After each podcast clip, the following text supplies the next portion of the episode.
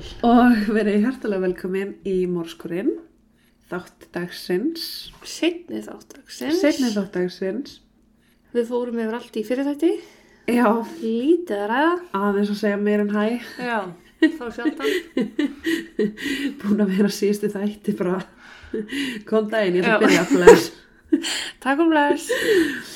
En já, ég sérst ætla að segja frá mál í dag og ég í rauninni fann þetta mál sérst, í kjölfarið af nýja frumvarpinu hjá Áslega Örnu um eldirhalli og mér fannst það mjög spennandi af því mér fannst þessi lög vera mjög mikilvæg. Já, viltu kannski segja frá nýja frumvarpinu? Já, sérst með, að, sérst með að eldirhallir og þegar þú lætur manneski líða óþægilega og ert að fylgjast með henni og allt það slíkt að þá getur þú fengið alltaf fjögur ára fangelsi. Já. Þannig að það er orðið refsivert að áreita fólk í dag. Já, bara loksins. Já. Þannig að ég ákveða að taka fyrir mál sem að tengist því. Herra, á ég ekki bara að byrja? Já. Alltaf þetta, á ég ekki bara að byrja? Uh, en já, sérst, máli fjallar um hana Cindy Makepeace. Make peace. Já, Ok. she was not making a peace, Nei. just so you know. Mm En hinn 38 ára, Cindy, var að keðjureikja mentólsíkaretu við eldúsborið sitt. Það var 12. óttabir ára 1982 og hún hafði fengið 8 símtöl með hótunum á 50. Já. Í flestum símtölunum gat hún lítið heyrt annað en háan andadrátt en annars vega var maður á hinni línunni að kvísla svo hún heyrði bara eða ekkert sem hann var verið að segja. Þetta var eitthvað bara svona bara. rödd, já, ok.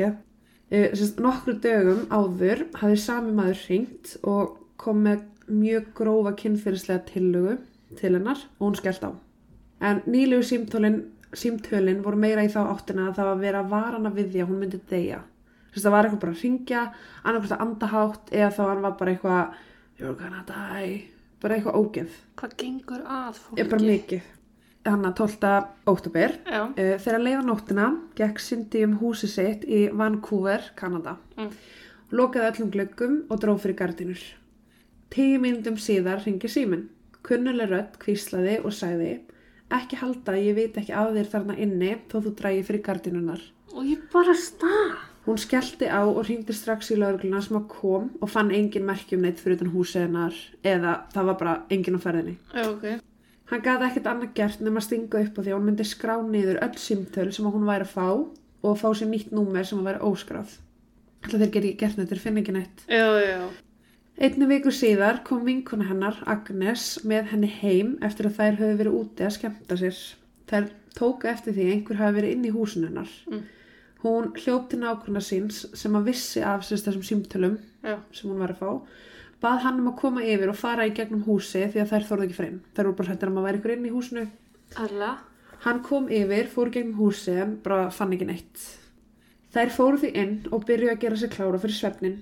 Nokkru myndum setna, eða síðar, heyrði Agnes að Cindy var öskrandi, svo hún hljóp til hennar og tók eftir, því, tók eftir því að það var búið að skera kottan hennar í marga hluta. Það var búið að taka nýf og skera hann bara. Hún tók ekki eftir því að því að alltaf bara teppið var yfir kottanum, hún er bara leggst í rúma og sé bara að búið að skera kottanum. Já. Þær ringdu strax á laurugluna og Pat McBride mætti á sveið Mm. sem bara svona lauruglufjörn. Þar sem að einhver var stólega heimilinu var hann samferður um að einhver var að senda henni skilabóð. Jafnvel þó hún hafi skipt um símanúmer heldur símtölun áfram. Þú veist það er bara, hann fann út bara nýja númer hennar, Hvern? Ek ekki hugmynd sko. Þetta var að mestu símtölu sem var ekkert sagt og bara andaði kvíslega síman og sérst, í kjölfara því þetta byrjaði að vera svo mikið þá ákveð Cindy sérst, að hafa samband við manni sinn en þau voru skilja og, og byggu því ekki saman. Já, ok. Var það maðurinn hennar? Já, sagan er búin. Takk, bless.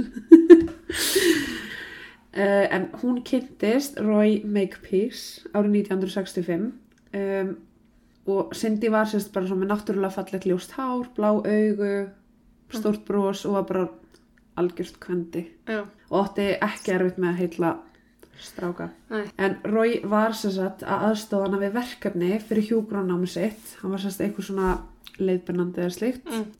Þegar þau kynntust og í desember árið 66 urðu þau aðskiljanleg. Óaðskiljanleg.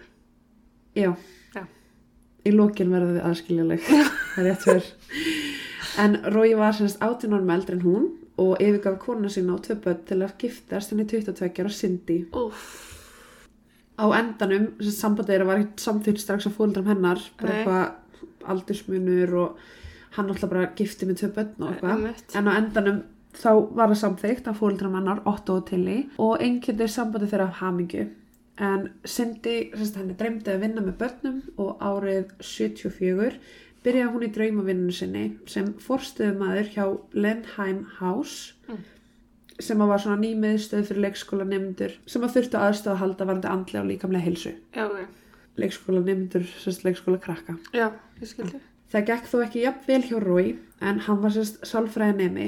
Uh, hann var búið með eitthvað skona nám Ok. en hann var sérst, þau fluttu saman til British Columbia og hann fjall sérst, þrísvar á inntökuprófunu sinu. Það var annarkvort inntökupróf í skólanum eða inntökupróf fyrir atvinnu license. Já, Hann, hann fjall á því þrísvar og í kjölfaraði var hann alltaf bara þunglitur með slæmtskap og bara reyður og hún alltaf bara blómstra kom Mhm. með einhverja fórstuðumæður hjá okkur fyrirtæki en Rói var sérst sjómaður og hann hafði hann keift sér nýju metra snekju sem hann skýrði peacemaker Mhm.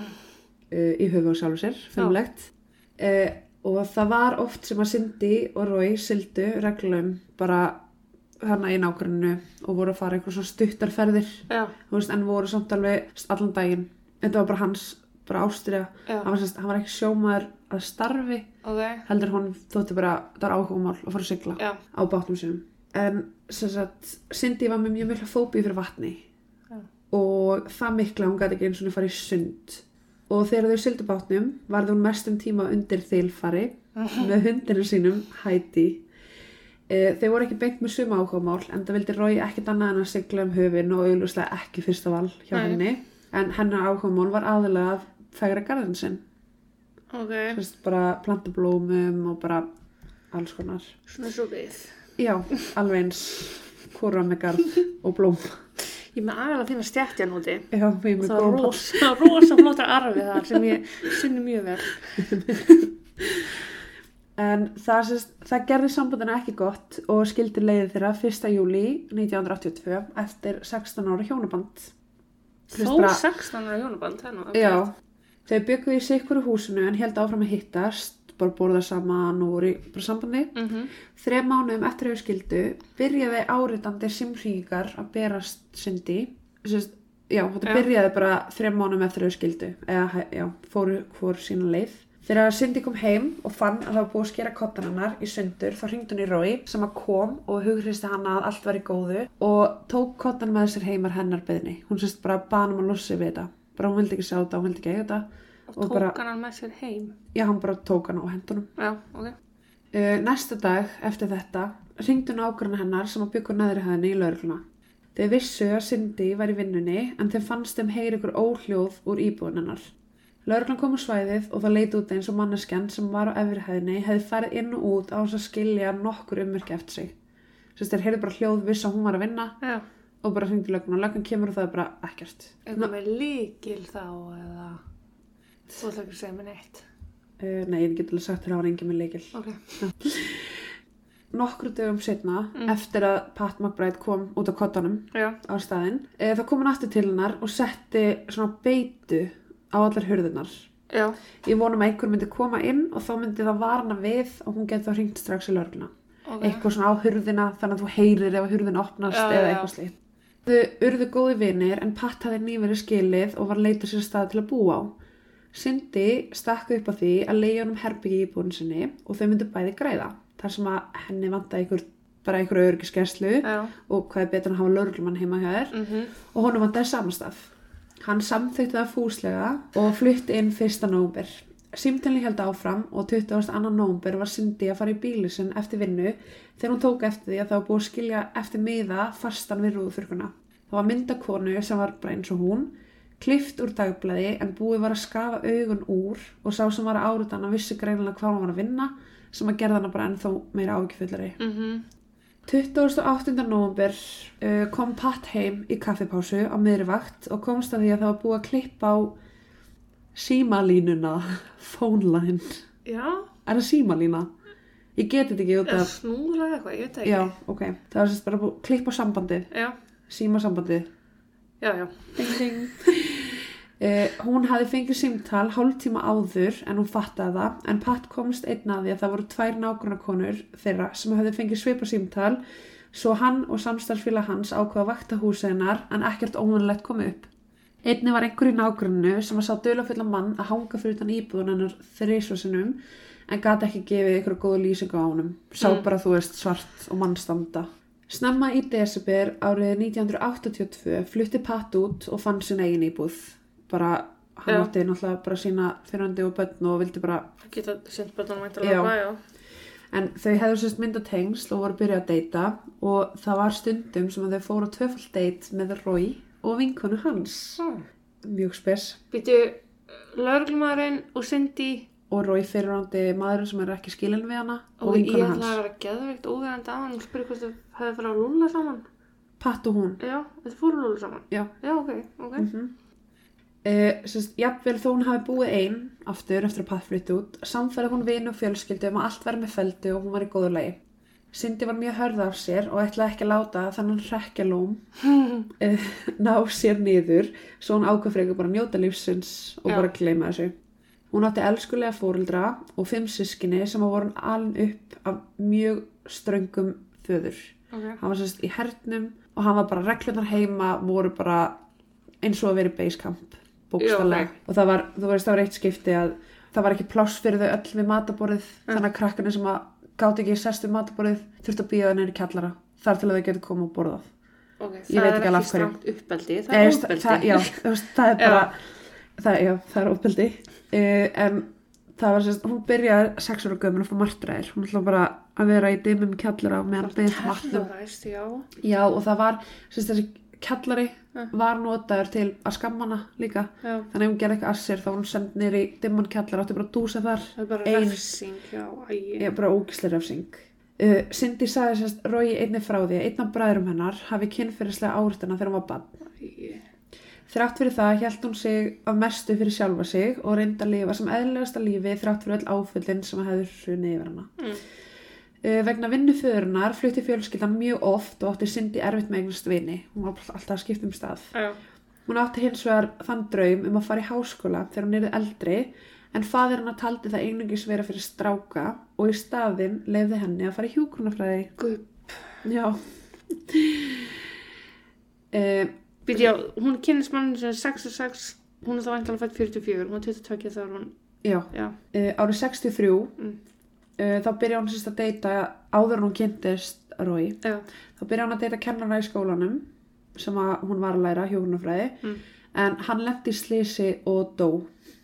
Bara ekkert meira sagt um það. ok, og í kjölfari byrja hún að einbetta sér meira skólanum og var efst í sínum bekk sem hann leiti til útskriftar. já, Í desember árið 82, nú erum við komin aftur hana þegar hann er að Já. byrja það áratu áreitnina, tók lögreglan eftir því að Rói var að keira í hverfinu í eitthvað tíma. Hann keirði beint á húsin hennar og slögt á ljósunum en beðið til bíl. Lögreglumadurinn kom til hans, sem að sá hann, spurði hvað var í gangi og sagði hann frá því að hann var að vakta húsið hennar út af áritinu sem hún var búin að fá síðust mánuði. Cindy hafði sagt, patt frá því að eitt kvöldi vakna hún við að einhver var að berja á gluggan hennar.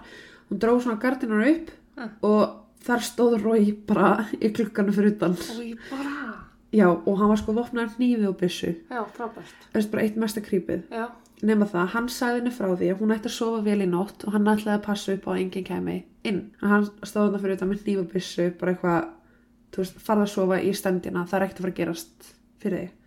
Ég veit ekki hvort það sé nice eða hvort það sé creepy. það er ekki creepy, sko. Næsta dag sagði Rói henni frá því að hann væri handviss um að þetta væri meðlimir í mafíu sem að væri að þessu, sem þetta ringi hann á áratuna. En henni fannst bara eins og þetta væri atriði úr The Godfather, mhm, þetta bara það var nákvæmlega eins. Og sem sagt, Rói held því fram að hún hefði gert eitthvað reyðan sem var meðlimur í mafíunum vegna vinnunum sinnar. Hún hefði kannski mist sjúkling eða eitthvað hafi gerst og Já. fjölskyldi meðlimur hafið þú veist og sé bara hún áratana. já, þannig að það var svona stopnun fyrir hann leikskóli, eða þú veist, já, já, bara fyrir ungbönn, bara Já, svona já. fyrir, já. ok, Uh, hann sérst, varaði hann við því að nota kallara þvóttahúsið því að einhver geti farið þar inn og skora hann á háls sem að gera það að verkum hún er ekki fundin í marga daga. Sagði þann þetta? Já, og það skrítið að segja til manneski sem er skítrætt við lífsitt bara eitthvað ekki þvottin ekki var með kjallara. Mjög spes. Þetta er líka mjög, svo einhver skýri þig ekki á hálf. mjög nákvæm lýsing á hvað getur gerst fyrir Sérst, í kjölfara þessu baðan hann um að flytja inn með sér og var frekar reyður þegar hún neitaði því. Mm. og veit þá ekki þarna hvort hann sé bara að reyna að fá hana aftur Já. með því að vera eitthvað svona. Eh, hún var hins vegar mjög meðvirk og seint í desember sama ár fóru þau saman að heimsækja fjölskyldi hennar á Vancouver Island yfir jólin. Skiptust að gjöfum og lítið bara út fyrir að vera einu fínustu vinnir og samt nýbúin að neita honum en mm. gati ekki alveg verið bara eitthvað svona nei. Já. 15. januar var Pat heimi á Cindy þegar hún fekk simtal. Hann hlustaði á það en heyrði yngar rödd aðeins andadrátt og heyrðist eins og kona var í bakgrunni sem að let hann vera handvissan um að simtali var að koma frá flugvellinum. Svo að þú heyrir alveg svona skvaldur. Já. Sett hefði verið hlernatæki í síman hennar en sá sem að hringdi var ekki nógu lengi í símanum til þess að ná að finna raðnúmeri á símtalinu en hins vegar náðist að finna svæðið bara að þú farið eitthvað svona x stórt svæði. Já, og var það í kringu flugvillin svo pattaði rétt fyrir sér. Mm það var sérst einhverja flugvillin sem var að ringja hana þetta skipti.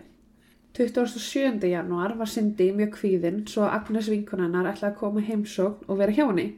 Meðan hún beið eftir henni ákvað hún að fara og færa til gamla kassa í bílskurinn þá hún bara ganga frá og eitthvað þegar hún ætlaði sér að kveiki ljósið tók hún eftir því að það bara var ekki að virka penna var sprungin skyndilega greip einhver um hana Já. og sagði henni að halda kæfti Ég er ekki að fara í fokkin þvottarúsa með á næstinu sko. Hún var í förstu taki og reyndi að losa sig en gata ekki.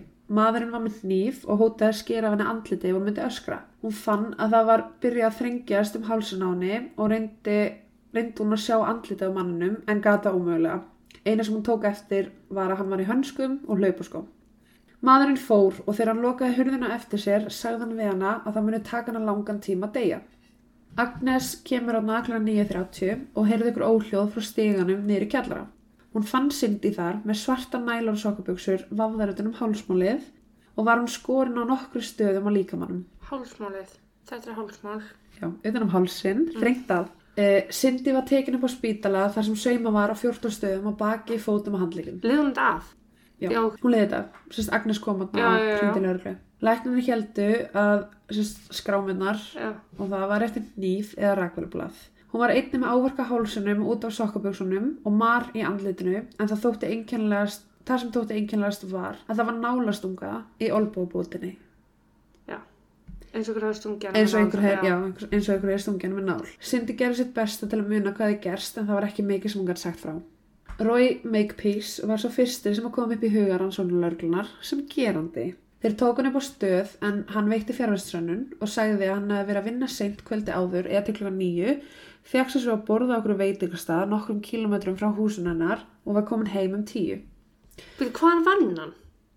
Roy, Já. hann vann á ykkur svona sálfræði dæmi. Já, ok, ok. Þú veist, þetta er alveg, já, hann fjall á þessu prófi í byrjun uh, sambandsins þeirra. Já. En þú veist, núna alveg... Tókst það að lokum eitthvað. Já, ok, tókst ok, að lokum. ok, Hann er eitthvað svona sálfræði dæmi, Ok. sálfræðingur. En hann sagði sérst frá því að hann, þegar hann kom heim voru fréttina í gangi í sjórbinu. Það er bara fjárvæstansönnun hans. Mm. Hann samþýtti að fara í lígapróf en það var ekkit úr því af því að hann var nefnilega að taka hann hjartalif og þau getur leitt til villandi niðurstöðu.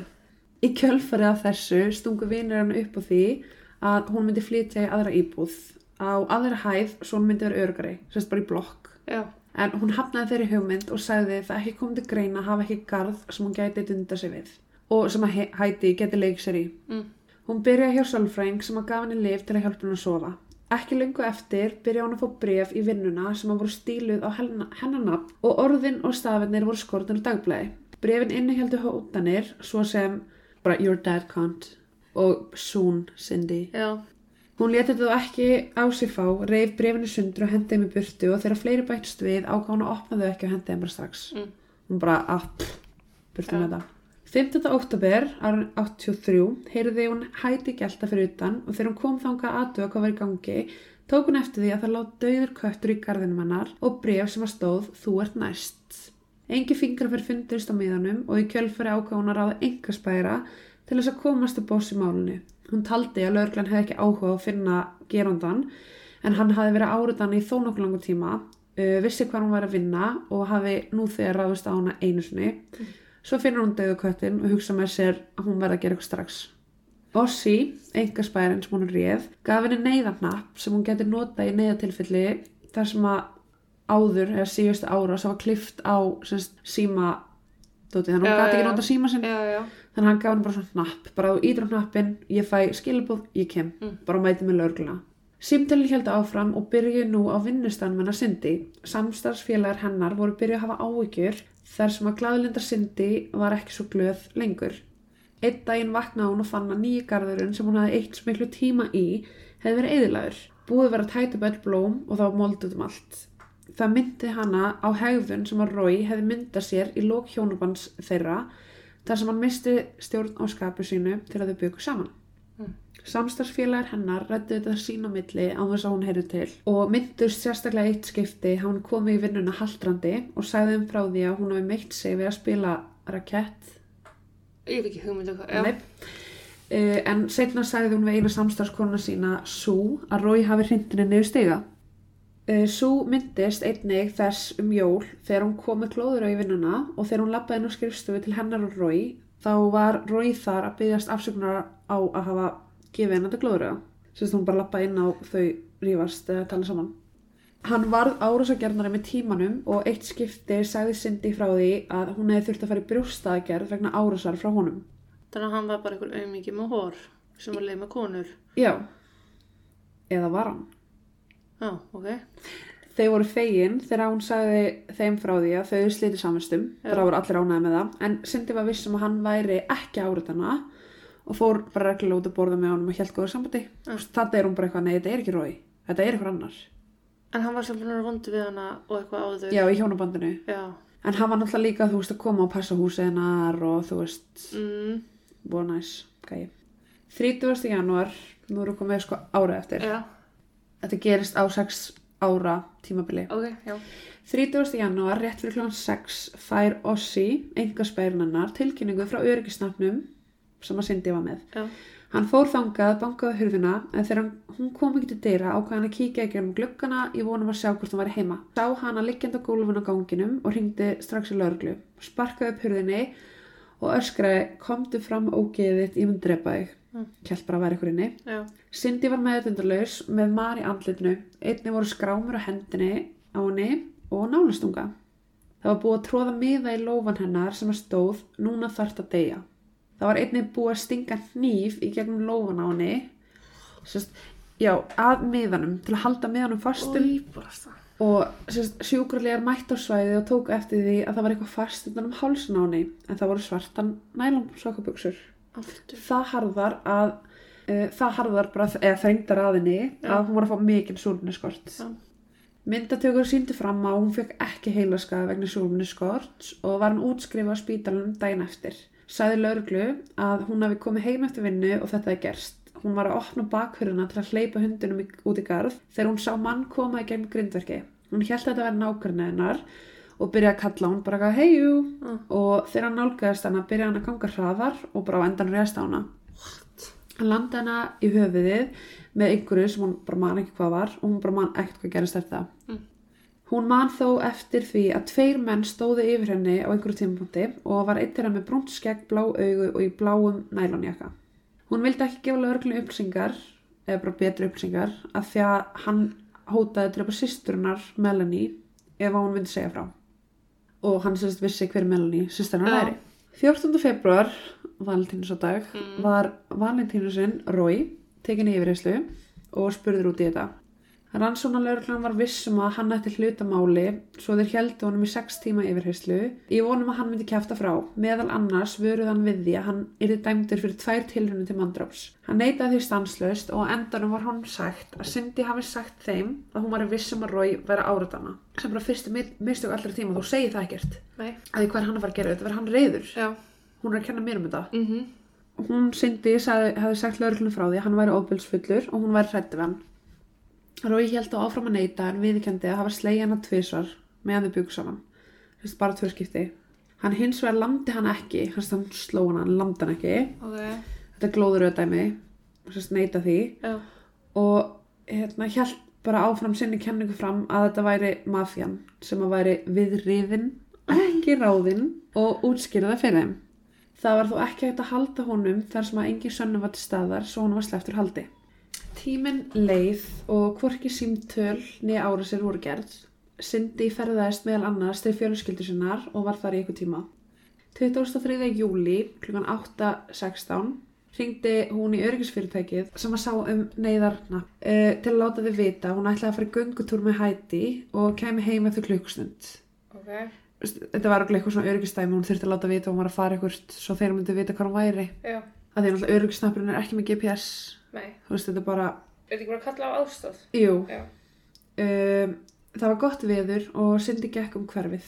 Græn sendibíl sendferðbíl stoppaði hjá henni. Í, í bílstjórasætinu satt maður með langt dökk hár, mikið skegg og gleru hann talaði við henni gegn gluggan á meðan ljósar kona í farþegarsætinu beigði sig fram. Og hann var raun bara að spurja um directions. Ég var allir svona Ég veit að ég var með þetta daginn, sko. spurja um eitthvað svona leiðbynningar Veg, ég skrifa sko veg vegarlýsi. já, þetta er bara dottið út úr haustum við erum ekki svona heimskar Nei.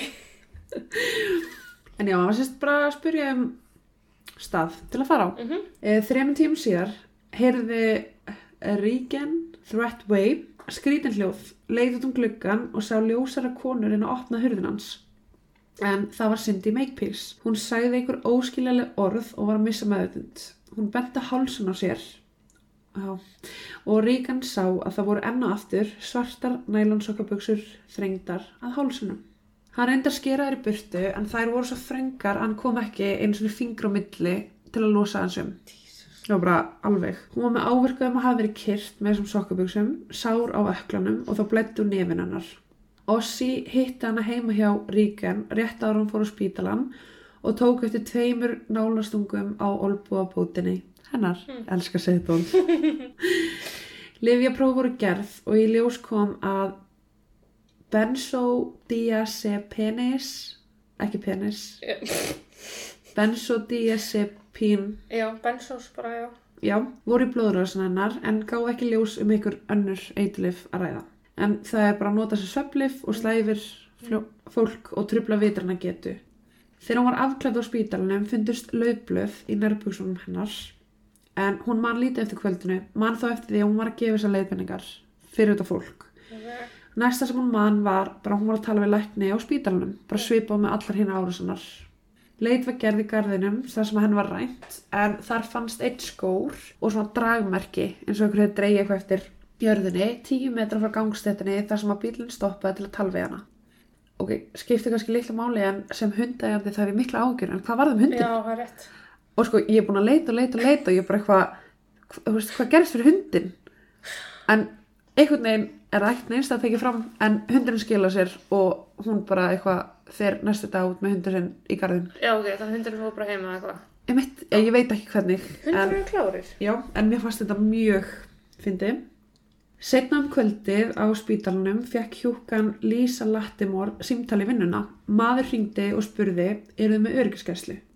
Þegar Lisa bað hann um að útskýra betur hvað hann myndi, sagði hann, eru þið með öryggisverði? Og spurði á hvaða tíma bráðumóttökan lokaði. Og hann útskýri fyrir honum að það lokaði ekki, og Já. 24-7, og hann spurði hversu margar hæðir er spítalinn. Lisa vildi ekki gefa hann meiri upplýsingar svo hann beindi símtalina yfirmanni sínum en hann skellt á. Hún tilkynnti þetta skrýtna símtal sem hefði átt sér stað og sagði að sá sem hafði hringt hefði verið með skrítin hreim, mögulega svona söður afrískan eða frá Nýja Sjálandi. Suður Afrískan eða Nýja Sjálandi. Já. Í tilraun til að reyna að fá Cindy til að muna atbyrðu kvöldsins samþykti hún að fara í dálislu sem að virkaði og myndi hún meira frá árásunni. Tegund bílsins sem var með krómglugga og svona gummi á húttinu Mm. og lyktarspjald. Það er svona eina sem hún tók eftir. Já, ok. Hún man eftir að hafa verið dregin inn í bíl sem var með teppi í skottinu og bara eitthvað fólk satar. Eitt var með grímu og hárkollu en henni fannst eitthvað stingan í olbóbútina sem að gáði til kynna bara nálastunguna sem hún var með. Hún heyrði rattir í kringu sig og ein röddin sagði Hondagos en Cindy útskýrði að þetta verið söður afríska svona Zulu orð sem að þýtti Be warned, do as I say. Já. En Roy Makepeace var frá Suður Afriku og var talaði með sterkum hreim. Já, já, já. Í þriðja daglislu tímanum, þann annan óttabér, var óhugnandi uppgöðun hjá Cindy. Hún man eftir ferð sem að hún og Rói hefði tekið þreymur árum áður þar sem þau sildu á friðsælt svæði hjá Golf Island Mm. um það byrj 75 km frá Vancouver. Já.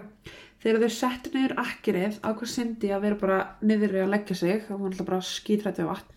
Þannig að hún var bara niður í kapellu eða kompu eða whatever, þilfari, undir þilfarinu, Þetta er kapill. æ, hvað sem þetta heitir, kápella, Ká þetta. káeta, Já. hún var niður í káetu, getur það verið? Kannski. Hún var sérst bara í rúmunu sem eldur sér klósti er Já. og ákvað bara að leggja sig að meðan Rói fór að skoða einhverja fastegn á eiginni, lögur sérst fyrir utan einhverja eigin Já. Hún man eftir að hafa heyrt öskur, svo hún vaknaði, skellt sér í föt og fór út. Öskraði eitthvað tilbaka en enginn svaraði henni. Hún rannsakaði hvaðan háaðan var að koma og fann bjálkakofa sem var svona ofan á hæð. Þetta er bara svona hæð og kofi efst. Ok. Hún bankaði á hurðina en það var enginn sem svaraði, svo hún opnaði hurðina og sá Rói standandi þar. Hann var mjög reyður og á gólfinu fyrir framann hann voru tvö lík, maður á þrítursaldri og kona á tvítursaldri. Hann hjælt á hníf og var allur aðdæri blóði. Uh, hlaupandi út byrjaði Cindy að öskra að hann væri morðingi og bara ældi út um allt. Já. Rói náðinni, sló hana og hristi og næsta sem hún man var að hún sat á rúmi á meðan Rói var að skera líki neður í búta til að kasta þeim í hafið. Cindy sagði ég veit ekki hvernig ég komst þangað ég sit bara á rúmi, dofin og partur af mér að öskranda innan en það heyrir engin neitt Eins og hún sé bara lömuð. Já. Þá kannski út af livjónum. mm Já. Rannsóknar aðeila reyndi að finna út hver þessi kofi var staðsettur sem hún lísti en það reyndist erfitt þar sem hún var sofandi þegar þau sildangað og vissir henni ekki hvar þau voru og hún alltaf bara er niðri og er ekki að horfa út hún veit ekkert í hvað átt Nei. þau voru að fara Maður myndi ekki vita það sjálfur, sko. Nei, bara eitthvað, veist Ég var fyrir suðaustur, emitt, 24 gráður þangað. nei Eitthvað. Uh, hún man hvernig hann leit út innan hús uh, hann var með timburgólf, grátt teppi það var viðarhilla með bókum gamalt viðarbord með blöðum á bara eitthvað svona lýsingar sem að hjálpa er ekki neitt að finna hann að kofa utan. Lörglan leita á svæðinu en fann bara, fann þetta ekki neitt. Uh, hún ákvað þá að ringi Rói með síman hleran til að reyna að fá út hún hvað þetta hefði verið. Annan júli árið 1985 ringi síman hjá Rói hann var hissa á því að Cindy var að ringi hann en þau hefðu sérst ekki talað saman síðan hann komst að því að hún taldi að hann væri bara responsible, veist, hann væri áritana. Hún byrjaði samtalið og sagði hann frá því að með hjálp dálislu hann komist að ýmsum hlutum. Og sagði að henni langaði að tala við hann fyrst áður hún færi til örglunar uh, hún sagðist muna allt og sagði hann frá þessu bara öllu með kofan og eitthvað. Uh, Rói var frekar nexlaður og reyður Átti þetta með komin hafa gest og með að voru gift eða? já, sérst, þremur árum áður en hún er núna Já, já, já. Rói var hneikslegar og reyður og sagði bara að þetta hefði ekki gerst og veit bara ekki hvað hann er að koma. Eftir símtalið var lauruglan að fylgjast með báðum aðilum til að sjá hvort eitthvað hefði bara svona tryggrað Rói til að ráðast á hana og þessi fylgd endist í fimm daga en ekkert átt sér stað á þeim tíma sem lauruglan var að fylgjast með. Sex mánuðum síðar, 11. desember, fór Cindy í hátegismat í vinnunni en kom ekki aftur tilbaka. Það kvöld uh, var Desire El Sessa að hjóla svona nált háskólasvæðinu í British Columbia. Það var ískalt og hún hjólaði með frá veginum en klukkan 6.20 hafði sólinn sest og hún sá eitthvað sem að vakti aðteglun hennar. Ljósar konan lá í skurði svo Desire brunaði til hennar og ringdi að lörgla. Hún var með enn og aftur svartar nælónsöngbuksur, vafðar utan um hálsinn. Hún náði að taka þær af með höndunum og beigð eftir sjúkrabíl. Þetta var, það var lausar á, þannig að hún gaf bara tekið það strax. Þegar þeir mættu á svæðið fundu þeir hana standandi í skurðinum og var hann öll blöyt á neðri búk. Og hún var búin að ná sokkbuksunum af og Já. hún var bara komið með þetta. Hún var með skrámur á bringunni, höndunum, fótunum og bakinu sem að leita út þess að væri eftir neglur eða trjágreinar. Hún var með dögt, dögt maður á andlitinu og nálarstungu Mm. í olbúðabótinni. Blóðsni síndi fram á benzodiazepín Mm í blóðrössinni og sagði hún læknunum að hún hefði tekið sérst 6 millilitra af Atvian sem er bara kvíðalif Mhm. fyrir um daginn. Þannig hún kannast ekki vita hitt. Enn og aftur man hann ekki hvað gerðist. Hún sagðist ekki vita hvort verið verra að muna hvað hefði gerst eða að muna ekki og vita ekki neitt hvað hefði gerst. Já. Henni fannst lögreglan ekki verið að gera neitt í málinu og vildi lítið tala við þá. En það komni þrjá, komnar þrjár ára sér, endaleg símtöl, búið að klippa á bara síma, símanennar og döðu köttur Já. og búið að rústa garðinum. Hún er búin að þurfa að flytja út af þessu og er bara hvergi örug, hvorki hátteginu eða út með hundsinn, Mhm. bara ekki neinstar. Stutt eftir þetta snýr hún aftur til vinnu. Samstagsfélagar tóka eftir því að hún var mjög þung og einn bara uppgefin. Hún var bara búin að því. Öðlilega. Já, henni fannst eins og það væri ekki annar möguleiki en að flytja aftur. Svo hún færði sig í Richmond hverfið að sjálfsög með garði, vildi ekki búi í blokk. Vinir hennar, Tom og Agnes, komu yfir 12. apríl, sérst fjórum mánuðum eftir að ráðast á hana. Já. Þau spiluðu og ákveðu að verja nóttinni hjá henni. Þau fóru öll í rúmið um 11 leiti. Klukkan 2 heyrði Tom háfaða að koma á neðra henni. Hann fór í föt og Cindy kom að banka á hurðina hjá honum.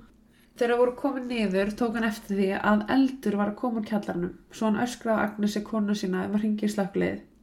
Hún kom niður og sagði frá því að síminn virkaði ekki. Það var búið skera út sérst, sambandið. Tom hljóp út til að ná sambandi við eitthvað sem að gæti hjálpað og saman á þrítusaldri standa hinum megin við gödra. Hann kallaði á hann, baði um aðstóð en maðurinn hljópi burt og lit sig hverfa. Hann náði samband við nágrana og innan skams var slökkuliði mætt og búið hann á tökum á eldinum. Það voru mikla skemmtir í kjallarnum en Cindy, gestirinnar og Heidi voru ómeitt.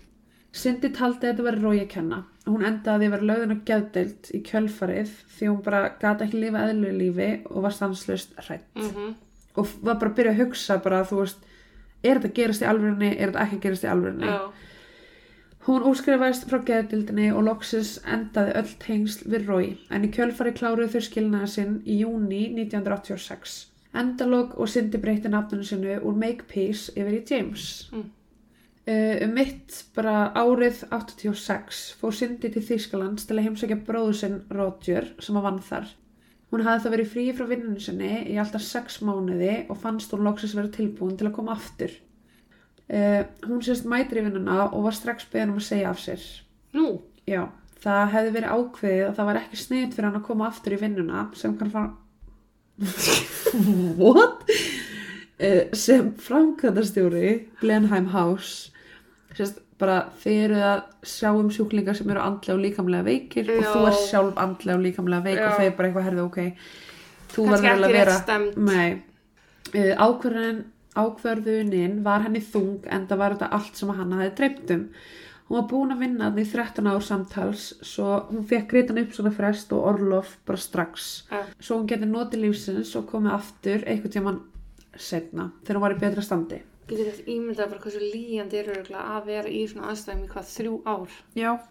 Ekki lengu eftir þetta fekk hún vinnu á Richmond spítalunum sem hjógrunafræðingur fyrir fólk sem var nýkomið að sérst bráðdeild, ICU, en var ekki nóg gott til að fara heim. Já. Vinnan tók mikið á en hún naut hennar. Hún var á kvíðalifjum og þunglindslifjum og misti mikið kílóum þar sem hún var orðin svo kvíðin, bara alltaf kvíðin til að fá sér að borða, bara einhvern veginn alltaf gerast. Og hún endaði í 44 kílóum Úff. Sálfræðingun hennar mælti með því að hún myndi skrifa niður alla dagana sína á hvernig tilfinningar til staðar hverju sinni og vonaðist til að það myndi hjálpa henni þá sérstaklega á góðum dögum að finna að það koma betri dagar. Já.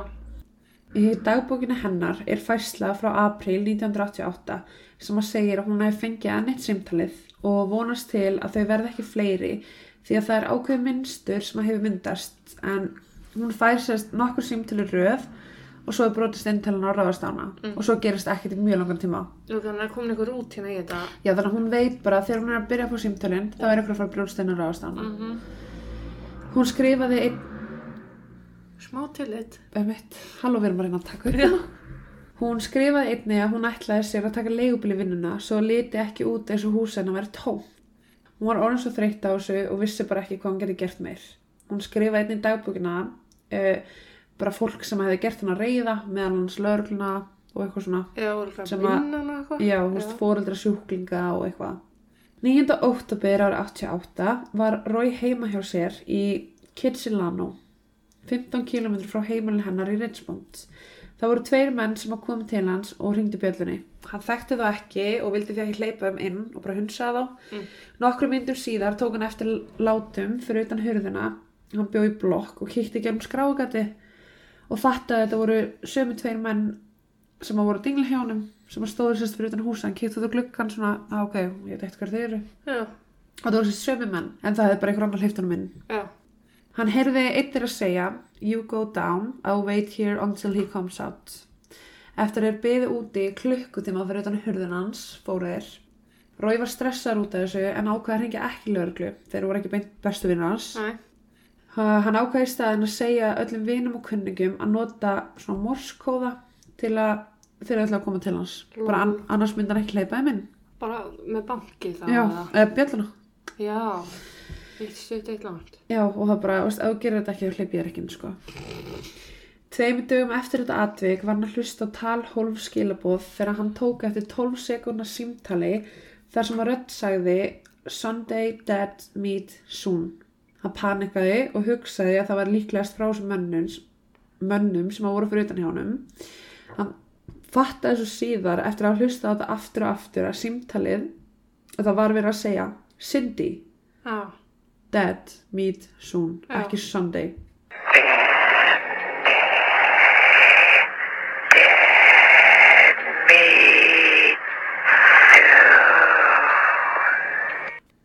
Rói trúði því að þetta væri sama manneskja og væri búin að vera árúta syndi núna í næstum sex ár. Það er komin sex ár. Næsta dag fann hann önnu skilabóð með sama tón sem að sagði Hey man, more smack, more downers, another grand, after we waste the cunt, no more deal.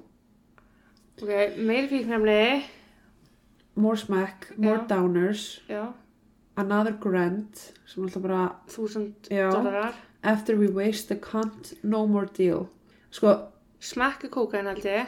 já, sko, mér líður eins og þetta sé verið að segja, eins og hann hafi ráðið ykkur Já, til að, þú veist, og það er verið að segja í fyrri skilabónum Cindy Dead Meetsun bara eitthvað, herrið, við drefum hana hitsbrám bara svona eitthvað kóði. Aha, og svo þarna er verið að segja bara eitthvað, þú veist skýrildin. Anna Grant og við drefum hana.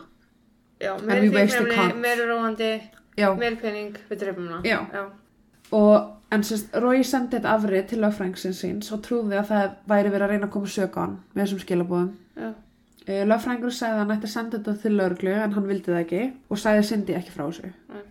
en þú veist, hann vildi bara meina að einhver hefði lagt þetta inn í talumskilabóðan hans þannig að lögreglu myndi finna þetta og vera bara eitthvað ok, stóra já, ráðleikur já, til að gera þetta Seinna í mánuðinum, 27. oktober, var Cindy að klára vinnu um 8.30 eftir 13 tíma vakt. Hún he hefði hef átt að klára vinna klukkt var fyrr en þar sem að sjúklinga dóu þurfti hún að vera lengur til að klára skýrslugerð. Hún var ótrúlega niðurdregin og leið eftir að mista hann sjúkling, ákveðin sjúkling sem var hjá henni. já, Hún kom heim og lagði bílskurinn og beigði bílnum með slögt ljós og búið að drepa bílnum sem var bara orðin ákveðin rútina hjá henni. Mm. Það var bara, hún fór ekki út úr bílnum fyrir hún var viss um að hann væri engin. Þannig að hún bara kyrði bílinn og var bara alveg hljótt og var að tjekka hvort að hún myndi heyra ykkur hljóð. Ó, ég myndi að vera alltaf svona hrætt Já, og bara- ver um sig. Já, þetta er hræðilegt sko. Þegar hún fór úr bílnum tók hún eftir manni sem að stóð baka bílinn hennar með skíðagrimu. Hann greip hana og setti hnífa hálsin á henni. Hann sagðist til að drepa hana. Það var þá sem að Cindy átti þessi á því að það var annar maður hana, einnig með svipaða grímu. Hún reyndi að koma sér undan en fann fyrir nál og misti meðutund. Í olbúðabótina. Já, því mér sem skrifa það, ég okkur bara að segja það, ekki bara að segja það satt.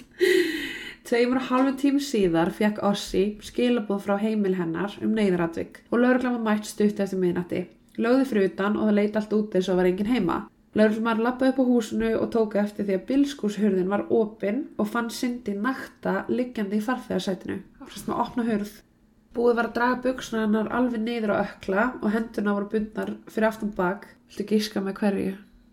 Nælonsokaböksu. Jep, svörstum nælonsokkaböksum.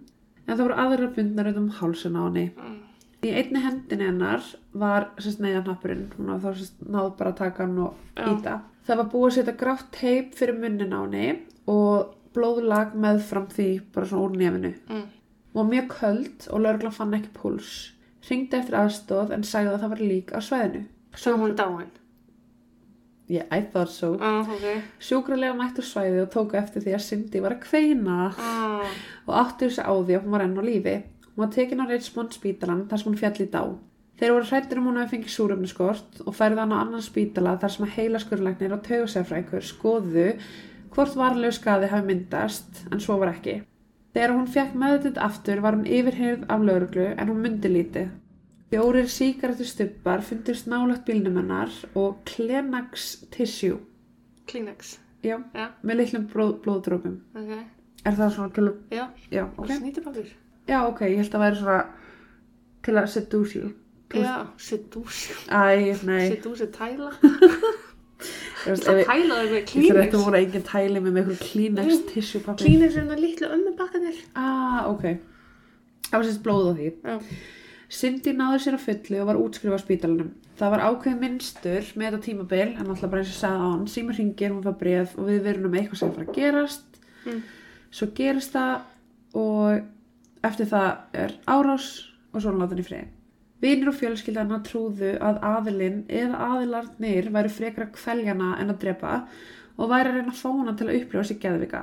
Gerandinn hafði haft ódal tækifæri til að drepa hana en hafði aldrei gengið svo langt. Þrátt fyrir að litlu hefði mátt muna í þessi skipti. Í kjölfarið af þessari árás setti lögurinn upp myndölukerfi heima hjá henni. Fyrst núna. Já, alveg sko, hvað, sex, Sex ára síðan, já. Árið er enn 1989 og mánuðu síðar, eða 25. mæ, fór Cindy í kaffi með vinkonu sinni sem var að vinna með henni. Þetta var fyrsti frídagurinn hennar af fimm en hún ákveði að taka sér frí og aðeins að njóta bara með sjálfur sér. Já. Saman rættu þær um að þær vildu ferðast, Cindy sagði henni frá því að áriðið væri bara nánast ekkert og hún hafði ekki heyrt í neinum síðan síðasta ára sátt sér stað. Mm. Setna um kvöldi fór hún að sækja laun sín, en þetta var sérst, þú þarft að mæta og sækja laun sín. já, já, til svona paycheck pay- eitthvað, já. Uh, en sérst, þegar hún fór að sækja laun sín, sagði hún samstarfsfélaga sínum frá því að hún var að fara að nota launin til að kaupa ammálskjöf því hún var að fara í ammál í fríinu sinu sem henni hlakkaði til. Hún leit vel út, var í bleikri blúsu, fjólblám buksum og í blám jakka. Bara ljómaði og leit út eins og henni hafi ekki liðið svona vel í langan tíma. Enda loksins að fá smá frí frá kvíðavaldandi vinnu Mhm. og áriði. Og hefði meðal annars farið í, í verslunarmiðstöðuna og fengi bara Makeover bara. makeover. Já. Já. Um nýju þetta kvöldið koma Agnes og Tom heim til hennar til að spila bridge. En voru neykslu þegar þau mættu og hún var ekki komin heim. Þau kerðum bæinn til að finna bílinn hennar og funda hann lagðan í bílastæðinu hjá verslunarmiðstöðinu í bænum. Já. Þeir tóku eftir því að bílinn var lestur og liklarnir voru sætinu. Smá blóð lag niður hurðuna en Cindy var hvergi sjáleg. Lörgla mætt á svæðið og rannsakaði þetta, bara aðtuga hvað var í gangi. Já. Inn í bílnum voru tveir pókar í farþegarsætinu sem að inniheldu matvörur sem að hún hefði verslað á samt verskinu hennar. Og sérst í verskinu voru 2,77 dólarar. Ok. Aðri tveir pókar fundust á gólfinu farþegamegin uh, og í aftursætinu var ammálskjöfin á samt inn pökkunarpapir. Aha. Undir bílnum var bankakortið hennar og hraðbankakvittun sem var vafið utan um kortið. Svona aður með kvittun. Já, svona- já, já. Hún fór í bankan kl. 7.58 að leggja peningin inn. Þú veist, þú veist að fara að leggja launin inn Árið, dreifdreikning. Já, já. 86. Agnes sagði að það veri ólíkt hennar að leggja bílnum aðna svo langt frá hraðabankunum þar sem hún var vön að býða frekar eftir að stæði losnaði uh, fremst því hún vildi ekki ganga svo langt einn. Þannig að hún beigð basically bara og beigð eftir að stæði myndi losna til að leggja þar. Já. En allt henni bílinn hennar sko hinum einn og Agnes var bara nei og það er ekki sens hún hafa lagt hann á labbað. Nei, nei. Um klukka þrjú uh, fóru tveir laurluþjónar heim til Rói til að yfirheyra hann. Hann neitaði að hleypa þeim inn og var frekar hrættur en á endanum leta hann undan. Ok. Hann sagði lauruglu að hann vildi ekki hleypa hverjum sem er inn og hann svæði með riffil hjá rúminu sinu eftir að fengið nokkuð símtöl. Hann gaf fjárvistusvannin fyrir nóttina og sagði að hann hafi verið að hjóla með vini sínum á markaði sem var í bænum. Þeir sögðu hann frá hvarfinu og syndi og hann byrjaði að gráta og sagði My God, she's dead. Leitað var með hundum frá verslunarmiðstöðinni en það var bara ekkert um syndi, þeir náðu ekki að þefa upp neitt. Nei. Bílinn hann var tekinn til tækndeildar og það voru einingis svingra fyrir hennar bílnum og blóðið á hurðinni var hennar blóð típa. Já. Það var ekki komið það... Blóðflokkur. Með því að nota gögn úr hraðbankanum fann laurugla út alla sem að notiði vélina 15 myndum áður og 15 myndum eftir að hún sjálf notaði hraðbankan. Barry Leroy notaði hraðbankan þrem myndum á eftir henni og sagði laurugla að hann sá ljósara konu sem hann líktist henni lappa hjá bílnum hans í aðra átt heldur en að bílnum hennar Já. hún var að fara bara eitthvað norðaustur frá verslunarmiðstöðinni sem var bara eitthvað ekki áttina bílnum. Nei. Á þeim tíma voru 6 eða 8 aðri bílar hana. Barry sagði að konan var eina manneskjan sem hann sá en var ekki viss hvort það hafi verið Cindy eða einhver annar. Á meðan leitinu stóð kom pappinar Otto og beið bara fregna dóttur sinnar Já. meðan lögreglan var að leita. Hann bauðist meðal annars til að fá 500 hermenn til að hjálpa til við leitana en lögreglan afþakkaði það og sagðist verið að gera sitt allra besta til að finna hana. Fimm dagar liðu og engin merki voru að finna. Andlitið hennar var í öllum fréttablöðum en engin kannast við að hafa séð hana. Það var bara eins og hún hefði gufa upp. Það var skoðað allar samgöngur á svæðinu, lestar, flug, bara ég vonum að finna hvort hann hafi nokkuð þar úr landi eða fært sig á annan stað, en það var ekkert. Mm. Fjölskyldan hennar trúði því að henni hefði verið rænt og heima hjá henni síndi ekkit óvanlegt. Það var ekki búið að brjótast inn, það var Nei. ekki neitt svona dæmi. Nema það, það voru fjóra flöskur af sveflifi og nokkur pilluboks sem að Cindy notaði til að sofa, sérst í svefnherbygginnar. Ok. Fjölskyldan hennar fann svo í aukaherbyggi 19 flöskur af öðru lifi uh, en þau gerðu lista með öllum pillunum Já. sem hann átti og þær voru kringum 900 talsins og þetta var allt bara kvíða þungleit sveflif. Já. Fjölskyldan fann svo sprautunál og intravínus kannula Já, já. og saline solution S- Saltvatn. ok, s- Já, ég ætla að vera að segja það. Ok. Já. Dagana eftir að hún hvarf hringdi einhverju í tryggingafélagið Mm. uh, sagðist vera fadir hennar og bara spurði út í líftryggingun hennar Já. bara hvað er að mikið is it mine, eitthvað Sagðist er þetta upplýsingar sem fólk getur nálgast? En hún var sérst sagt að hann þyrfti sjálfur að koma til þeirra Já. til að ræða þetta en þá skellti aðalinn á og bara engi mætti í kjálfari og fadir hennar neitaði bara að hafa hringt þetta símtal sagði Mm. bara, ég, dóttir minn er á lífi, hvað er já, að okkur já, já. Uh, en sérst, sá sem að svaraði sagði að þetta hefði verið einhver í eldri kantinum og að ma maðurinn hefði verið með hreim. 8. júni árið 1989 voru tvær vikur frá hún sá síðast. Einum og halvum kílometr frá Vestlunuminstöðinni voru byggingamenn að vinna við húsnæði þær nágrunnu. Um tíu leiti þurfti eittir að fara að pissa svo hann bráði sér frá í öskuma stund til að fara svæði, bara til að pissa svona í yfirgefið svæði sem engi var. Já. En þú veist það voru engin klósit á svæðinu þar sem um nýbyggingu var að ræða. Mhm. Þegar hann gekk gangstíðin tilbaka, sá hann bleika blússu og ljóst hár. Hann hugsaði að líklegast væri einhver sofandi á jörðinni en þegar hann færðist nær átti hann sig á því að um lík var að ræða. Konan lá ofan á bláum jakka og var í fjólblóm buksum með eitt skó en hinn skórin lá mjög nálagt henni. Eh, Það var honum ljóst að hún hefði verið látin í einhver tíma en það var niðurbrot byrjað að myndast Já. í handlutin hennar. Hendur og fætur voru bundin fyrir aftan bak og ut, Nælansokkaböksum kannski. utan um hálsin hennar voru svartar nælansokabuxur. Ég get svo svarið. Það var til ljóst að þetta var Cindy James. Lögreglan lokaði vettfangnum og tæknideildin fór í það að finna allara vísbendingar um sem mögulega var hægt að finna. Þau yfirheyrðu fólki nágrunnu en enginn sá neitt nýja kannast við að sé þessa konu. Þetta var svona yfirgefið svæði með byggingum. Það bjó enginn aðna nema að var fólki í einhverjum húsbílum og eitthvað. Já. Og meðal annars maður sem að var sko tvo metra frá þessum líki en fannst Já. sem bjó í húsbíl þar og var þú veist á hverju kvöld að grilla fyrir utan og hann sá ekki neitt. Eftir tekta samur. Einmitt. Eh, Það var yfirgefið hús við hliðin á henni með brotna glugga og það var búið að króta Devil 666 og Svastikas. Já, út um allt. Örglega, já. Já.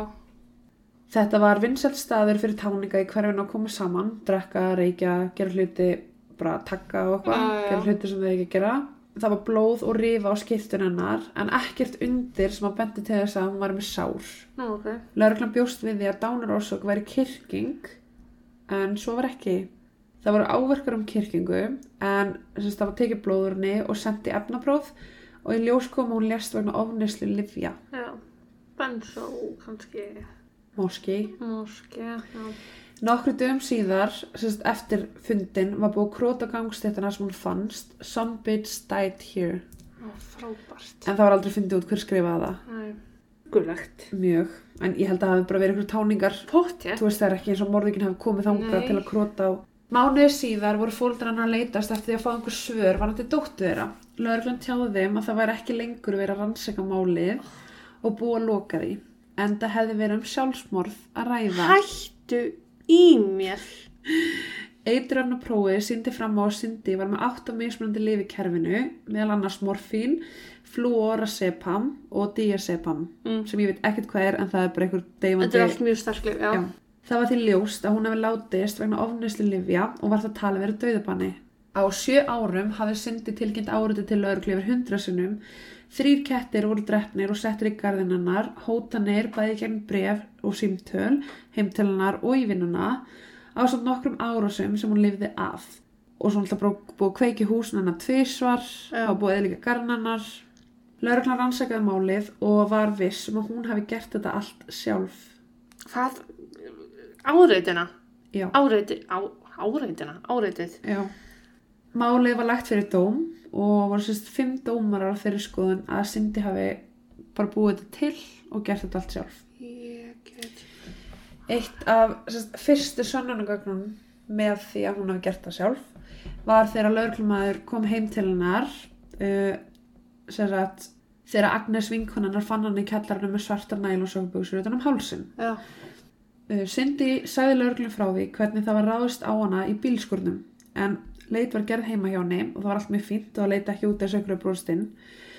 Ljósi í bílskurnum virkaði en Cindy hefði sagt að hún hef ekki náða að kveikja það þess að hún lappaði henni í dögt herbyggi Já. og ekki séð árásmannin. Hún sagðist hafa verið að færa kassa til sem hún raðaði fallega í hornin í bílskurnum og eina merki var að á einum kassanum var blóðdropi sem hann leit út eins og svona káma fingrafar. Mm. Þegar hann lappaði fram í baðherbygginu tók hann eftir því að það var blóð bara á baðherbyggisborðinu, speiklinum og vaskinum. Cindy hefði aldrei sagt að hún hefði farið á baðherbyggið eða eitthvað að gerst þar. Með þessu ákvað hún að taka líkapróf og var spurð hvort hún hefði drepið kettina sjálf og hvort hún hefði sett sokkaböksur utan um hálsun á sér en hún sagði nei en fjall. Hún tók það aftur og fjall Öruglega stressuð almennt að þessi vera að ásaka hana Já. um þetta. og þú veist eins og hún sé ekki nógu kviðin fyrir. Ég hata þessi legapróf. sko. En hún sérst fekk, uh, þegar hún fekk niðurstöðunar þá sagði hún bara I'm so sorry, I'm so sorry. Ég veit ekki hvað hún er að byrjast afsökunar á. Rannsónalögreglumann David Smith í fram að hún hefði fallið á prófun út af kvíða sem hún var að gangi í gegnum eftir allt sem hún hefði upplifað og taldi það ekkert vera ólíklegt. Mhm. Hann baði Cindy samt sem áður um að segja sér sannleikan og hún sagði þá frá því að átökin hefði átt sér stað í húsinu en ekki bílskurnum eins og hefði ásagt. Já. En hún var óhrætt til að segja sannleikan út af árásamæðurinn segast til að drepa fjölskyldun hennar ef hún segði, myndi segja lögreglu frá. Já. En hún er samt búin að segja lögreglu frá því að hún, það, ef þú veist það var henni bílskurtum, hverju breytið að þú, þú segir baðbyggið að bílskur? Já. Af hverju ættir að ljúga með það? Eða þú veist, af hverju segir þú þá ekki bara, Ég held að það sé ekki hægt að setja sig í spór, sko. nei. Rannsóknarlögreglumarinn Gary Foster fór yfir atburði, atburðina þegar kveikt var eld í kjallarunum hennar 21. ágúst 85. Uh, hann fór heim til hennar eftir að búið var að slökkva eldin og tók eftir því að eldurinn átti upptöku í kjallarunum. Það var ekkert sem síndi fram á að einhver hafa brúðst inn til hennar uh, þannig að þeir bara einbyttu sér að gluggan neyri kjallara. Já. Þetta hafi líklegast gerst þar. Ok. Hann opnaðist út og það var erfitt fyrir einhvern að skrýða inn. Það var mikið rig og vefir og bara hann taldi ómögulegt að einhvern geti farað það inn á þess að skilja eftir fingraför af því þú þarft að snerta hann til að halda Já. þér þú hoppar ekkert bara inn bara eins og John Benet Já, já, já, ég var að hugsa. hann sagði að sá sem að byrjaði eldin hafi hent pappir gegn gluggan sérst bara kveikti pappir og hendin en í kveiki sérfrængur sagði að eldurinn hafi byrjað á sex mismunandi stöðum að innan það sérst, það var ekki kastað ykkur inn Já. Rúla af klósetpapír frá baðherbygginu sem var not, sérst, í kjallarunum var notuð til að kveiki eldin og byrjaði baðherbygginu en frá glugganum að baðherbygginu gasta ekki tekið rúla og kasta inn Nei. en að manneskjan hefði þurft að fara inn í já. sækja rúluna og gera þetta e, tala var við Cindy og töldi einhverju að hún hefði verið að ljúga þessu bara út af þessu hún var einnig sögu um að hafa kveikt eldum þegar Agnes og Tom kistu hjá henni Hvað, af hverju? Uh, en rannsóknumenn tóku þá eftir því að jafnvel þó eldurinn hafi byrjað um nóttina Ah. eins og gerist þau voru til að sofa Já, já. að þá leit rúmið hennar ekki út eins og einhverju sofi í því og töldu þeir því að hún hefur vakandi allan nóttina að skipilegja þetta sérst, það var bara ennþá búið um rúmið og það er bara engin búin að liggja í því frá því að deginum en þá byrjaði eldurinn hjá bókaskáp sem innihjalt marga minningar um hann og Rói Hún vildi skilna hennar, ekki? já Já. Tom var náttúrulega ekki sammála og sagði náttúrulega bara hann hefði hlaupið út og sé mann standa þannig að hann var bara eitthvað, þeir eru að ljúga sko, það getur ekki verið. Svo fekk Rói loksins að tjá sig þetta er bara dómsmál um það hvort þetta hafi verið sjálfsmál eða ekki meðal annars upp á líftryggingu fyrir fóreldrana Já, og þú veist að það þarf bara að gera svona áriðan okkur hluti. Uh -huh. Rói fekk þá að tjá sig um allt en lauruglan sagði að það var ekki eitt sönnunagagn sem að tengdi hann við áriðið, árásuna eða íkveikjuna. Hann var, hann var í Suður Afríku þegar einn eldri nátt sér stað en Sindi vissi það ekki og sagði að hann var segur um að hafa kveikt í. Alltaf er að fara að fella hann á okkur svoleiðskjötaði. Já. Hann sagði þetta frá því að Sindi hafi glemt að minnast á að sýstirinnar Melanie var með í bátsfyrni þar sem hún sagðist muni eftir því að Róiði dreipið þessar tvo manns. Ok. og Melanie var bara eitthvað ég man ekki eftir að Var hún Hafa ekki með einn séð. stung fyrir á sér? nei, og Melanie var bara eitthvað ég man ekki eftir að hafa séð Rói drepa tvo manns og, og ég man heldur ekki eftir að hafa verið á ferðalagi með þeim og þau bara horfin og ég er eini bátnum Ok. þannig að þú veist, Rói var bara eitthvað það, það, getur ekki verið Nei. þetta er bara lígi Þú ert fokk í haustum af núna, sko. Ég veit ekki hvort ég held að hún hafi verið veik og geð og gert í álunni sjálf eða hvort að... Oh, uh, hann viðkendi að hafa slegið hana tvisvar en hann sagði að hún hefði ekki þurft að brjósta að gera halda út á honum Nei. heldur var þetta val hvað brjósta að gera um að stækka sér brjóstin ok. já hann sagðist að hafa reynt sitt besta að stiðja við baki á henni en hún bara held öllum hlutum inni og átti erut með tjá sig Rói var fyrst um sinn viss um að það væri verið áriðana af mafjumanni Já. en eftir því sem leið var hann svona uh, geti þetta verið hún en hann, sérst, hún baði hann til dæmis um að eigða sönnunagögnum svo sem kottanum sem var skorin. Já. Vist, akkur ekki fann með hann til lauruglunar hún bara hann um að taka hann og hann átti að henda hann en hann sagðist geta fann með þetta til lauruglunar og hún bara, nei. Mm. einni sagði hann frá einu skipti sem að hann og Cindy komi heim og fundi brotið vasaljós á gólfinu og Rói vildi taka gleri til lauruglunar bara við volum að finna fingrapur fingrapur wow en hún segðast bara að það hendur strax bara við minnumst ekki á þetta bara ég veit ekki hvað þetta er hún spurði einnig Rói á þeim tíma hvort hún var að missa vitið en hann var bara eitthvað, nei, eða, ég held ekki.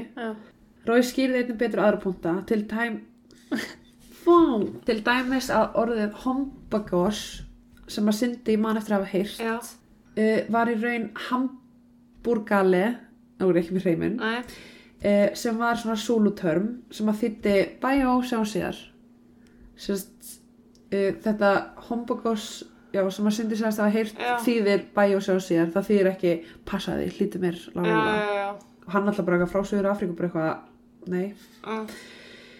og sýstin hans notaði það oft í samræðum við Cindy og þar lendi hefur hann heyrt þetta orð mjög oft aður Já. Hann sagði einnig frá því að áður en þau giftust þá fekk hún bref frá móður sinni sem var skrifað í reyðiskasti út á brúðköpinu bara hún var ekki sátt. Já. Uh, og þegar hann bað um að fá að skoða brefið þá sagði hún honum að hún hafi skrifað sjálf og hendi Mm. er það að skrifa sjálf bref frá móðinni í reyðiskasti til að fagna ekki brúðköpinu sem að þú ert að vera já, ok Já. Hugsa tilbaka telur hann að þetta hafi verið upphafið af mandamálunum hennar. Hann trúði því að, væri, að hún væri með klófin persónuleika út af æskunum sinni og hann gaggrindi sálfrænga og lækna sem að greinda hana ekki á þeim tíma sem hún leitaði eftir aðstöð. Svo hún fór meðal hans upp að geðdelt, hún fór til sálfrængs Já, og þeir allir bara eitthvað taktu lif, farið heim og sofðu. Já. En það var enginn sem að gaf henni greiningu og Rói trúði því að hún hefði notað svartar nælon sokkabjöksur til að kirkja sjálfa sig út af kynferðislega áritinu sem hún varð fyrir sem barn. En sérst bróður hann að hafa einhvern veginn snert hana. Uh, spila var upptaka símtalinu sem Rói fekk og var hann svolítið viss um að það var röddinn hennar Sindjar.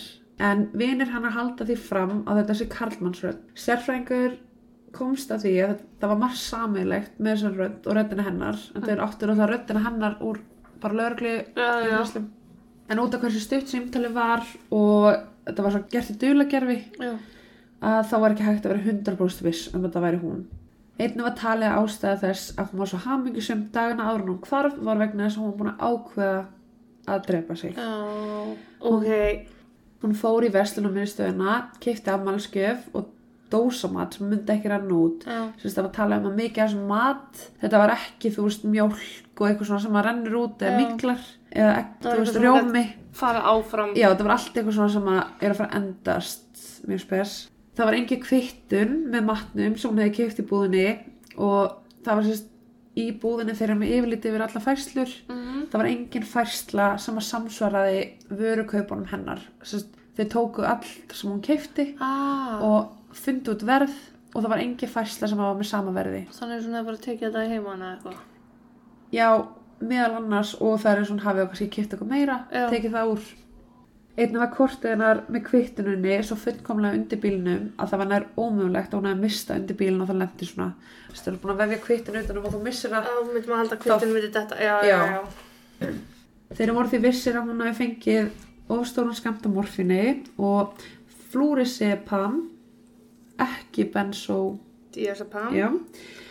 Um, og þeir vildu meina að þegar þú tekur þennan skamt þá hefur 20 mínútur áður en hann byrjar að láta þeim missa Já. meðutund og þeir vildu meina að hún hafði þessar 20 mínútur til að koma sér frá bílnum að staðnum sem hún lést sem var bara eitthvað 1,5 km minna Já, hvað hlaupandi eða? Áttu hann bara gangandi ángað? Að staðnum? já, Já, ok.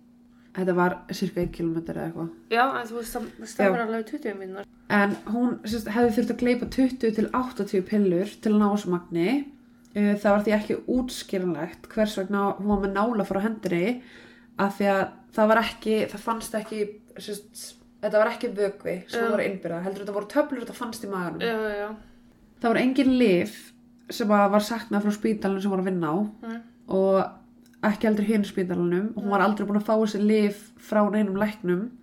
Þannig að það var eiginlega bara ekki ljóst hvernig hún fekk morfín og úst, þetta voru ykkur 800 livjum Að því gefna hún hafi fengið þetta, að, að hún hafi ekki verið drefin. já, að því gefna hún hefði gert það sjálf. Það var bara ekkert að finna um hvar hún átti mögulega að fá þetta. Og enginn sem kannast við að hafa skrifað upp á þetta fyrir hana.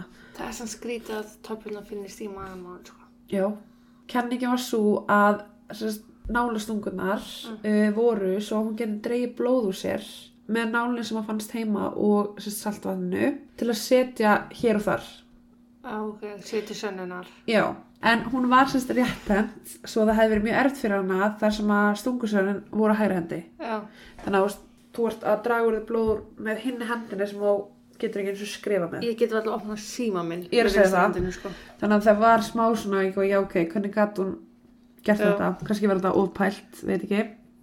Þeir fundu á því hvernig hún gatt hafa verið bundin uh, en það taldist vera nokkuð auðvelt fyrir hann að binda sig á þennan hátt. Með hendi fyrir aftan bak Já, líka. hún hefði sérst bind nútana fyrst Já. og svo hún smeykt sér í Já, ok. og smeykt sér í aftan en hún hefði bara gert það áður og á þessum tíma þú veist þegar hún fannst þegar þetta var ekki það þröngt að höndunum hennar það var þröngt um hálsina því þú getur náttúrulega tóð já. þetta var ekki það þröngt um hendunar og fætunar að þú gast ekki losa þau úr. Já, ok. en þetta tók um þrjár mínútur. Þú veist bara testu hvað tækir langa tíma að fara í þetta. Mm. af því þú náttúrulega farin að kilometr Já, og setja allt upp. Og vinar hennar fjölskylda er nú aftur bara ekki sens. Bara ég veit ekki hvað þeir eru að segja. Um, en það var bara þau, þeir voru bara vissir um að bara öll kerfi, bara sálfræði kerfi geðdildin, höfðu bara failed her, eða þú veist. Já, að það var bara, hún reyndi að fá aðstóð hún reyndi að fá viðkenningu, hún reyndi að fá hjálp og það var bara ekkert sem hún fekk það var bara, takk sveftöflur, farið heim. Það var bara, það var ekki það sem hún þurfti á að halda eða þú veist, þurfti á að halda. En þeir sérst, það var lengsta og dýrasta dómsmál eða bara rannsók Já. í British Columbia. Og á endanum þá komist þeir ekki sérst að niðurstöðu hvort hann hefur myrt eða tekið sér degi líf Eftir alla þessa rannsók. já, þannig að þeir voru bara eitthvað ok, þeir eru ekki alveg búin að samfæra okkur. Sérst lögreglan er að samfæra með þessu punktum sem ég sagði. já, og þeir eru bara eitthvað, oh, ég veist, þetta er ekki alveg svona. Þannig að það var breytt sagt, uh, úr suicide já. yfir í bara unknown Já, event. já, já. þeir bara vita ekki hvað gerðist þá var máli búið. En það eru nokkru spurningar sem ég svona skrifaði niður til hliðar á meðan ég var að skrifa þetta mál Já, sem að ég bara eitthvað ok, ef þeir eru svona vissum hún að við dreif sig svarið þessu. Ég vil fá síntal frá okkur á morgun bara ringi ég og svari en það er sérst uh, var hún líka að ringi nákvæmna sína sem að sögist að fengi símtöl? Einmitt. Þú veist, var hún að ringi þá uh, hver var í íbúin hennar þegar nákvæmna að lögregluna meðan hún var í vinnunni? Já, hver var maðurinn að ringja og spyrja um líftrygginguna? Aha, um, af hverju fór hún með peningin í bankan ef hún ætlaði að drepa sig? Já. af hverju var hún að deposit money? Já, já. Uh, hver var maðurinn fyrir utan húsi hennar kvöldur sem að eldri byrja sem að tómsá Mhm, mhm, hvernig gæti hún feikað símtal frá flugvellinum þegar hún var fyrir framann lögreglumann heima á sér að hlera símtalið Já. þú veist, hún satt fyrir framann patt og þau voru að hlera símtalið Já, já, já.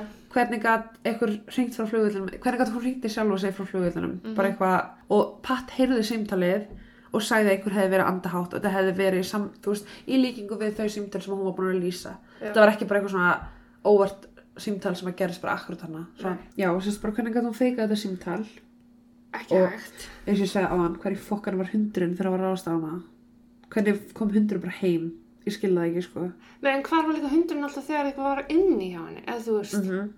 þú veist það er ekkert sagt til um það veistu hvernig hundurinn átti?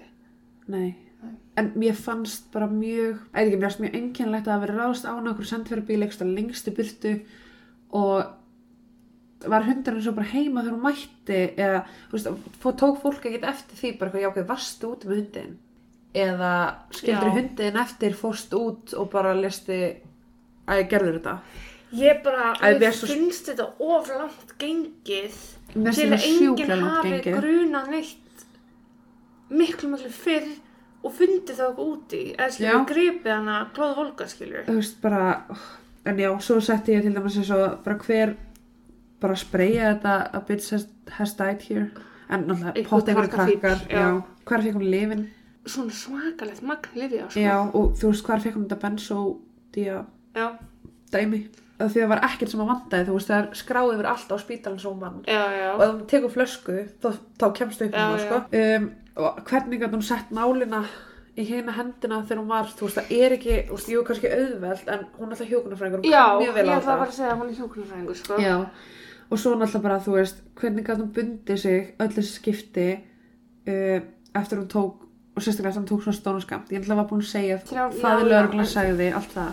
En á sama tíma, þú ert með svolítið mikið svona survival dæmi. tímapunktur hlýtur að líkaminn fer bara berjast á móti þú veist, það, er, það til þess er líkaminn hann er sjá til þess að við öndum og þú veist, Þannig að, þú veist, og á sama tíma einhvern veginn, þetta var alltaf þannig að hún dó aldrei. Þannig að það var líka kenning með átti einhver að finna hana fyrr Já. síðasta skiptið. Jú, hún overdósaði, tók ógisla mikið að töflum. mm En var hún kannski vonast eftir að einhver myndi finna hana bara strax já, og hún myndi vera tekin upp á spítala og þar myndi vera bara eitthvað, herra, ok, bá. En á saman tíma, hver tróð 80 töflum í kjaftin á henni án þess, það er eina sem við styðjast kenningu lögreglunar og Já. maður getur gert það sjálf en á sama tíma hvers sem við getur píntið til að gera hluti með einhverjum hótunum lítur að vera já, veist, ég er bara eitthvað, hvernig getur þú tekið 80 töflur og bara tróðið upp í þannig að hún gleipir þær. Þú veist, ég væri bara, já, spýtaði mútið mér, sko. Þú en var eru staðfest að þú, að þú talar um 20 til 80 Já, það var staðferðsist að voru, skilja, ykkur 20 morfíntöflur, Já, svo voru, já, þú veist, já, ok. 20 af þessu, þetta voru okkur 8 tegundur af töflum, bara eins og og var búið að 80 samsafna- stykki Já, og pluss að, þú veist, áður fyrir þá fundust þannig 900 töflur heima hjá henni, bara á alls það er konar skrítið sko og það var allir bara eitthvað, hvernig ferðu upp og skrifa 900 töflur bara á þessum stutta tíma, Já. þú ert ekki að taka lifin, ert að sapna upp eða bara hvaðan kom þetta. Já. En ég Hún átti ekki sko, þannig pening og það geti keipt á svörstu marka eða hún alltaf fekk hennar peningin eftir orlofið hún fekk það- henni slatta pening þá. Og- Það var bara eitthvað svona bætur fyrir að actually hafa rekana sem framhaldstjóra. En á sama tíma líka bara eitthvað lögurnan taldi að ástæðan fyrir því að uh, matverurnar í pókunum myndu ekki stemma við hitt Mm. eða sérst, við það sem hún keifti Já. var að því hún hafi keift nælonsokkabjöksir hún hafi keift einhver svona hluti sem hún notaði Já. tekið það úr pókunum, nota það og þess vegna fannst aldrei upphæðin það voru ykkur aðra upphæðir sem voru þú veist aðeins meira, aðeins minna Já, já. og fólk eitthvað svona, vá, ok, hvað verið þetta enginn eftir því í búðinu hvort þannig að afgreita ykkur konu með nælonsákbuxur. ekkert sagt frá því, sko en líka bara er ekki myndalega kerfi fyrir utan það. Ef þú myndur ekki að 1986. en hún alltaf fannst tveimu vikur síðar Já. og þá náttúrulega byrjar að rannsaka þetta þannig að kannski tveim vikur síðar myndalega kerfi fari að þú veist, starfsmæður það bara eitthvað ég veit ekkert hver hvernig ég var að afgreða fyrir tveim vikum, sko Mér fannst þess að það fundist bara setna saman dag. mm -mm. ég liði tvær vikur Þremur vikur. já, Grillar veist, hún var orðin bara fyrir sig. já, og hún var orðin bara decomposed Já.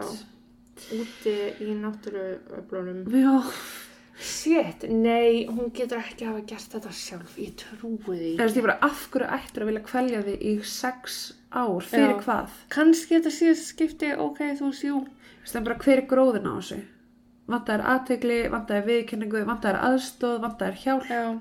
hvað, Ég viltu, Hver hlýtur að hafa greipið fyrir inni ef það hefði verið þannig? Ég er handur sem það sko.